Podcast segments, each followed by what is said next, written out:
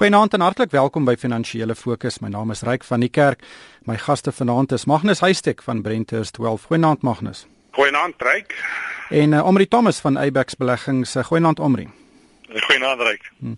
Ons het die week 'n taamlike woelige week agter die rug. Die grootste nuus was egter die aankondiging deur die mededingingskommissie dat hy 11 banke in Suid-Afrika vir beweerde onmededingende gedrag gaan ondersoek en dit sluit onder meer Barclays Africa of Absa in, Investec en Standard Bank en van die internasionale banke wat betrokke is is JP Morgan Chase, Citibank Standard Chartered en Barclays en natuurlik groot groot internasionale banke daai. En die ondersoek hou verband met beweerde samespanning tussen die banke om die koop en die verkooppryse vir geldeenhede vas te pen en daardeur mededinging te verminder. En dit vorm deel van 'n internasionale ondersoek wat al vir meer as 2 jaar aan die gang is en dit strek van Amerika reg deur Europa tot in Asië. En verskeie van die banke wat betrokke is, het juis hierdie week skuldig gepleit en ingestem om gesamentlik boetes van bykans 6 miljard dollar of meer as 70 miljard rand op te dok. Um, en dit sluit name in so Citibank, uh, JP Morgan, Barclays en die Royal Bank of Scotland. Omri Hierdie banke, hulle is nog nie skuldig bevind nie en hulle is bereid om 70 miljard rand op die tafel te sit. Hierdie is groot groot hoeveelhede geld. Ryk, dis dis dis ongelooflik groot. Mens moet dan dink wat die totale impak was as hulle bereid was die boete soveel is. En dit is natuurlik oor oor jare gedoen en ek dink dit dit skep nie vertroue by verbruiker oor ehm um, finansiële instellings nie. Verbruiker is met reg oor die laaste paar jaar bekommerd oor beleggingsbanke en die impak wat hulle op markte gehad het. Dis die nuutste een is nou wisselkoerse en vroeër was dit rentekoerse. So dit is 'n uh, eh, regtige nie nie baie goeie refleksie op die industrie nie. Hmm. Ja, banke moet eintlik hierdie onkreukbare integriteit hê en Magnus, um, daar was reeds na hulle gewys hier met die 2009 finansiële krisis waar baie staatsgeld of belastingbetaalersgeld gebruik is om die internasionale banke uit hulle verknorsings te red en nou sit ons hiermee wat regtig 'n aantuiging teen hulle integriteit is. Mens kan verder teruggaan in tyd. Jy kan onthou 2001, 2002 toe die Kevin Wakeford ook sekere aantuigings gemaak het van manipulasie deur die groot banke. En, en ek dink ek dink een van die redes daarvoor is dat daar is 'n informele kartel in elk geval wat die banke betref en uh, valuta beheer en en die lisensiehouers wat valuta transaksies kan doen. En dit verbaas my nie dat die groot banke hulle vergryp het aan daai unieke posisie waarin hulle sit dat hulle die mark beide die koop en die verkoopkant kan beheer tot nadeel van hulle kliënte nie en en uh, dit sal baie interessant wees om te sien wat gaan uitkom maar dat daar manipulasie is is al vir jare uh, uh, uh, gefluister en vingers gewys. En en en, en een deel van die rede is dat uh, daar's net 'n beperkte groep banke wat 'n lisensie kry letterlik om geld te druk En as hulle sulke groot boetes kan betaal, moet jy vra hoeveel wins het hulle gemaak uit hierdie posisie waarin hulle verkeer. Amerika kom ons gesels 'n bietjie oor die Suid-Afrikaanse ondersoek. Hierdie transaksies is skynbaar almal in die in die buiteland beklink wat nou die Suid-Afrikaanse banke impliseer. Maar as die Suid-Afrikaanse banke skuldig bevind word, kan dit ook miljarde rande se boetes beteken.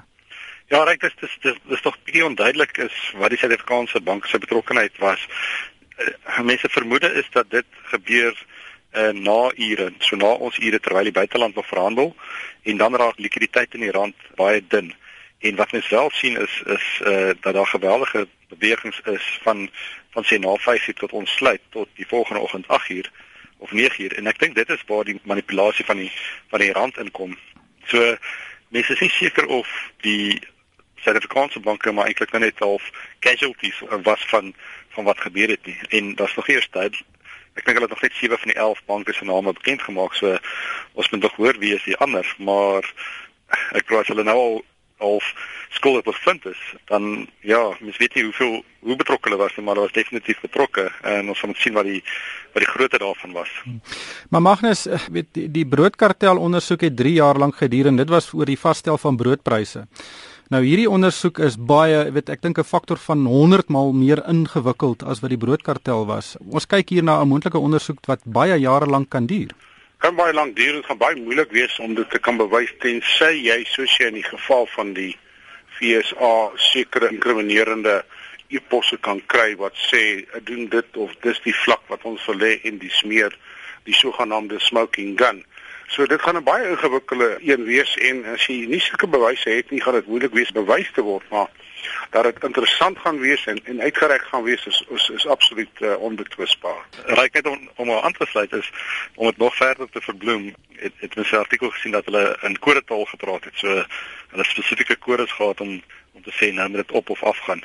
Natuurlik word al hierdie oproepe gewoonlik op band geneem. So iemand gaan nou daai daai kodes moet breek en ek dink ehm um, dit gaan interessant is om om te om te sien hoeveel hoeveel hulle werklik daaroor gepraat het.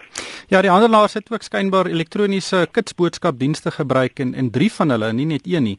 Ek dink in een van die Amerikaanse ondersoeke was daar meer as 'n miljoen lyne teks te van boodskappe wat hulle moes ontsyfer. Maar Magnus, um, kom ons gaan aan na bemagtigingswetgewing. Ons het hierdie week ook gesien dat een van die vinnigste ommeswaaye wat ek nog in in beleid in Suid-Afrika gesien het, uh, die Departement van Handel en Nywerheid het op 5 Mei aangekondig dat bemagtigingsskemas waardeur 'n onderneming aandeel aan sy werknemers gee, nie meer so baie op die telkaart gaan tel as voorheen nie. Ek weet as mens in prakties gesproke daarna kyk, gaan daai bemagtigingsskemas eintlik baie baie min tel. Daar was toe 'n baie groot baai uit die bedryf uit en net meer as 'n week later kom die departement en hy trek hierdie voorgestelde wysigings terug. Wat dink jy het hier gebeur? Ja, ek dink dat die departement het baie droog gemaak en I mean, soos jy sê, daar was 'n geweldige teenstand uh, in die pers het oral daar geskryf. Ek dink agter die skerm sê die groot sakemanne met die regering gepraat gesê dit kan nie so voortgaan nie en ek dink hulle, jy weet, die storie dat die minister in die buiteland was en 'n ander minister die ding afgeteken het is gewoonlik uh jy weet snert, mean daar's so 'n bietjie spin op die bol so. Hulle droog gemaak maar ten minste het hulle dit teruggetrek. Ons mag sien wat die finale uitkoms gaan wees. Omri, hierdie stel 'n interessante presedent want eh, in die verlede het ons al baie swak beleidsstandpunte gesien of omstrede beleidsstandpunte wat voorgestel is en dan vat dit uh, die eerste instansie mark baie baie opgewonde en sê nee, dis baie sleg, dis baie sleg. En dan deur 'n hele proses dan word daai beleidsstandpunte versag. Nou ewe skielik kom ons binne net meer as 'n week en weet so 'n standpunt word teruggetrek. Ek dink baie partye kan hierna kyk en sê is dit dalk 'n nuwe manier van die regering om na omstrede beleidsstandpunte te kyk. Ja, ek ek ek weet nie wat wat my meer kommerwekkend is is is wat onderliggend is daarin. Wat is die boodskap wat uitgestuur word? So nou is dit word teruggetrek. Maar die die vrees is dat dit net terugkom na die mark toe in in in 'n ander vorm. So dit is vir my wat is die onderliggende wat is die wortel van hierdie uitspraak wat gemaak is. So daar is geweldig baie geld spandeer op hierdie skemas oor die laaste paar jare deur deur maatskappye en is dis dis goed deurdagte skemas en om dit nou net om te keer sou sou regtig 'n krisis gewees het. Ehm um, so hulle het nou omgedraai maar ek ek ek's bekommerd oor hoe die riglyne gaan verander vorentoe as as dit die rigting is waarna waarna hulle wil beweeg. Hmm. Ek dink baie mense sal graag wil sien dat die regering so vinnig sy posisie verander oor etol. Maar Magnus, daar was ook spanning oor bemagtiging in die mynbou sektor. Weet verlede week het Nrako Ramatlodi, die minister van minerale bronne, te velde getrek in die mynbou sektor en hy het gesê swart eienaarskap in die mynbou sektor is net 20% en dit is ver onder die teiken van 26% wat die mynbou handves voorskryf. Die mynbousektor het teruggekap en gesê nee, uh, ons somme wys dat die eienaarskap in die bedryf is baie hoër op 38%. En hier is 'n lekker bekgeveg aan die gang. Ja, dis weer 'n kwessie van definisie. Hoe hoe tel jy daai bemagtigingssyfers op? Uh, doen jy dit op 'n regstreekse basis of kan jy pensioenfonde en voorsorgfonde ensovoorts insluit in die berekening? En dis maar weer eens die verskillende benaderings wat die partye het. Die regering het een standpunt en die in die private sektor het 'n ander een.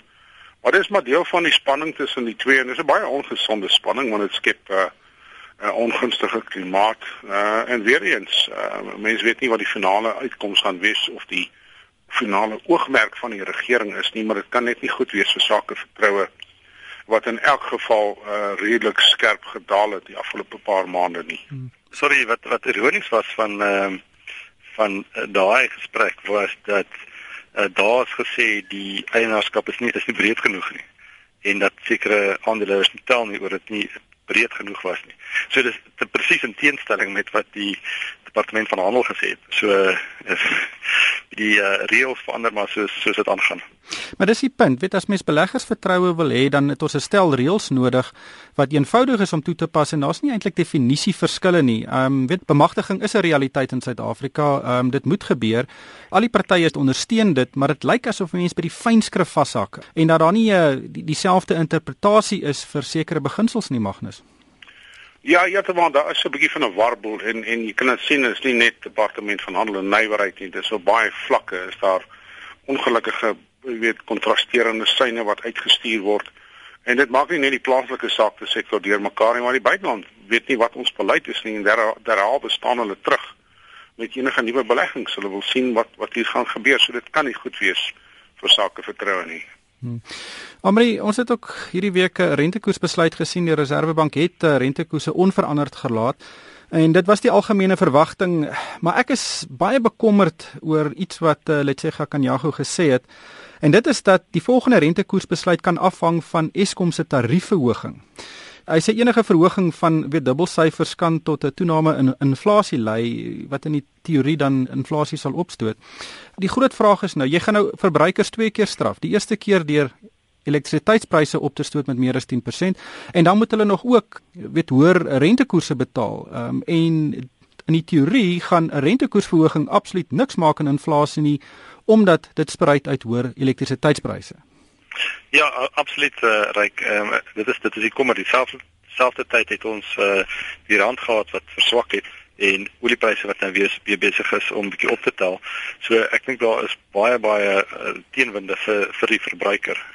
En uh, jy jy's jy's absoluut reg. Ek dink nie 'n rentekoersverhoging gaan enigstens 'n uh, impak hê op op inflasie nie. Dit gaan dalk verbruikersvraag uh, demp, maar ek sal sê ons ekonomie is al klaar in 'n baie lae groei scenario en ehm um, as ons verder nog dempers op die groei sit, dan kan dan kan dit net die ekonomie dalk in 'n in 'n resessie indruk en ek dink nie ons kan dit bekostig nie. Dit dit gaan sal verdere druk op die op die randplaas wat dan weer 'n sekondêre impak op op inflasie gaan hê. So dit is 'n baie delikate posisie waarin ons is. Ons uh, handelstekort en begrotingstekort is van so 'n aard dat ons kapitale vloei van die buiteland nodig het en mense is bang dat dit ook op, opdroog as beleggers bekommerd raak oor die groei in Suid-Afrika.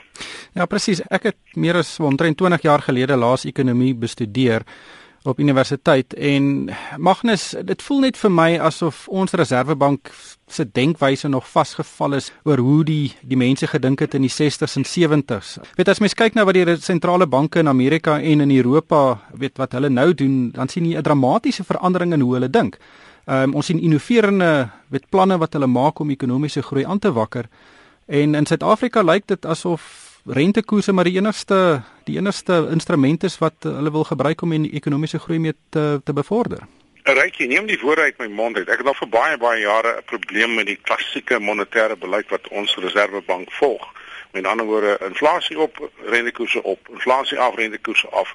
Soos jy sê, ek meen die verbruiker het absoluut geen rol in die verhoging in elektrisiteitstariewe nie. So hy daar's geen daar's geen faktor, daar's geen verband nie, maar hy word nou gestraf hoër rentekoers op verbande, lenings, besigheidskapitaal en meer uh, uh, en, en dan jy ook natuurlik die elektrisiteitstariewe. Dit is asof daai beleid totaal uitgedien is in Suid-Afrika en nou ek het baie simpatie met mense wat die Reserwebank se monetêre beleid kritiseer want dit is verskriklik moeilik om dit vir die man op straat of selfs vir 'n ingeligte sakeman te verduidelik. Daar's geen verband nie. Daar moet seker ander maniere wees as bloot 'n eenvoudige outomatiese refleksiewe uh, rentekoers op of rentekoers af. Ek dink daai daar's lankal verby en ons en ek dink ons sit die pot heeltemal mis. Omre net laastens markte weer 'n wisselvallige week. Ehm um, hoe lees jy die markte op die oomblik?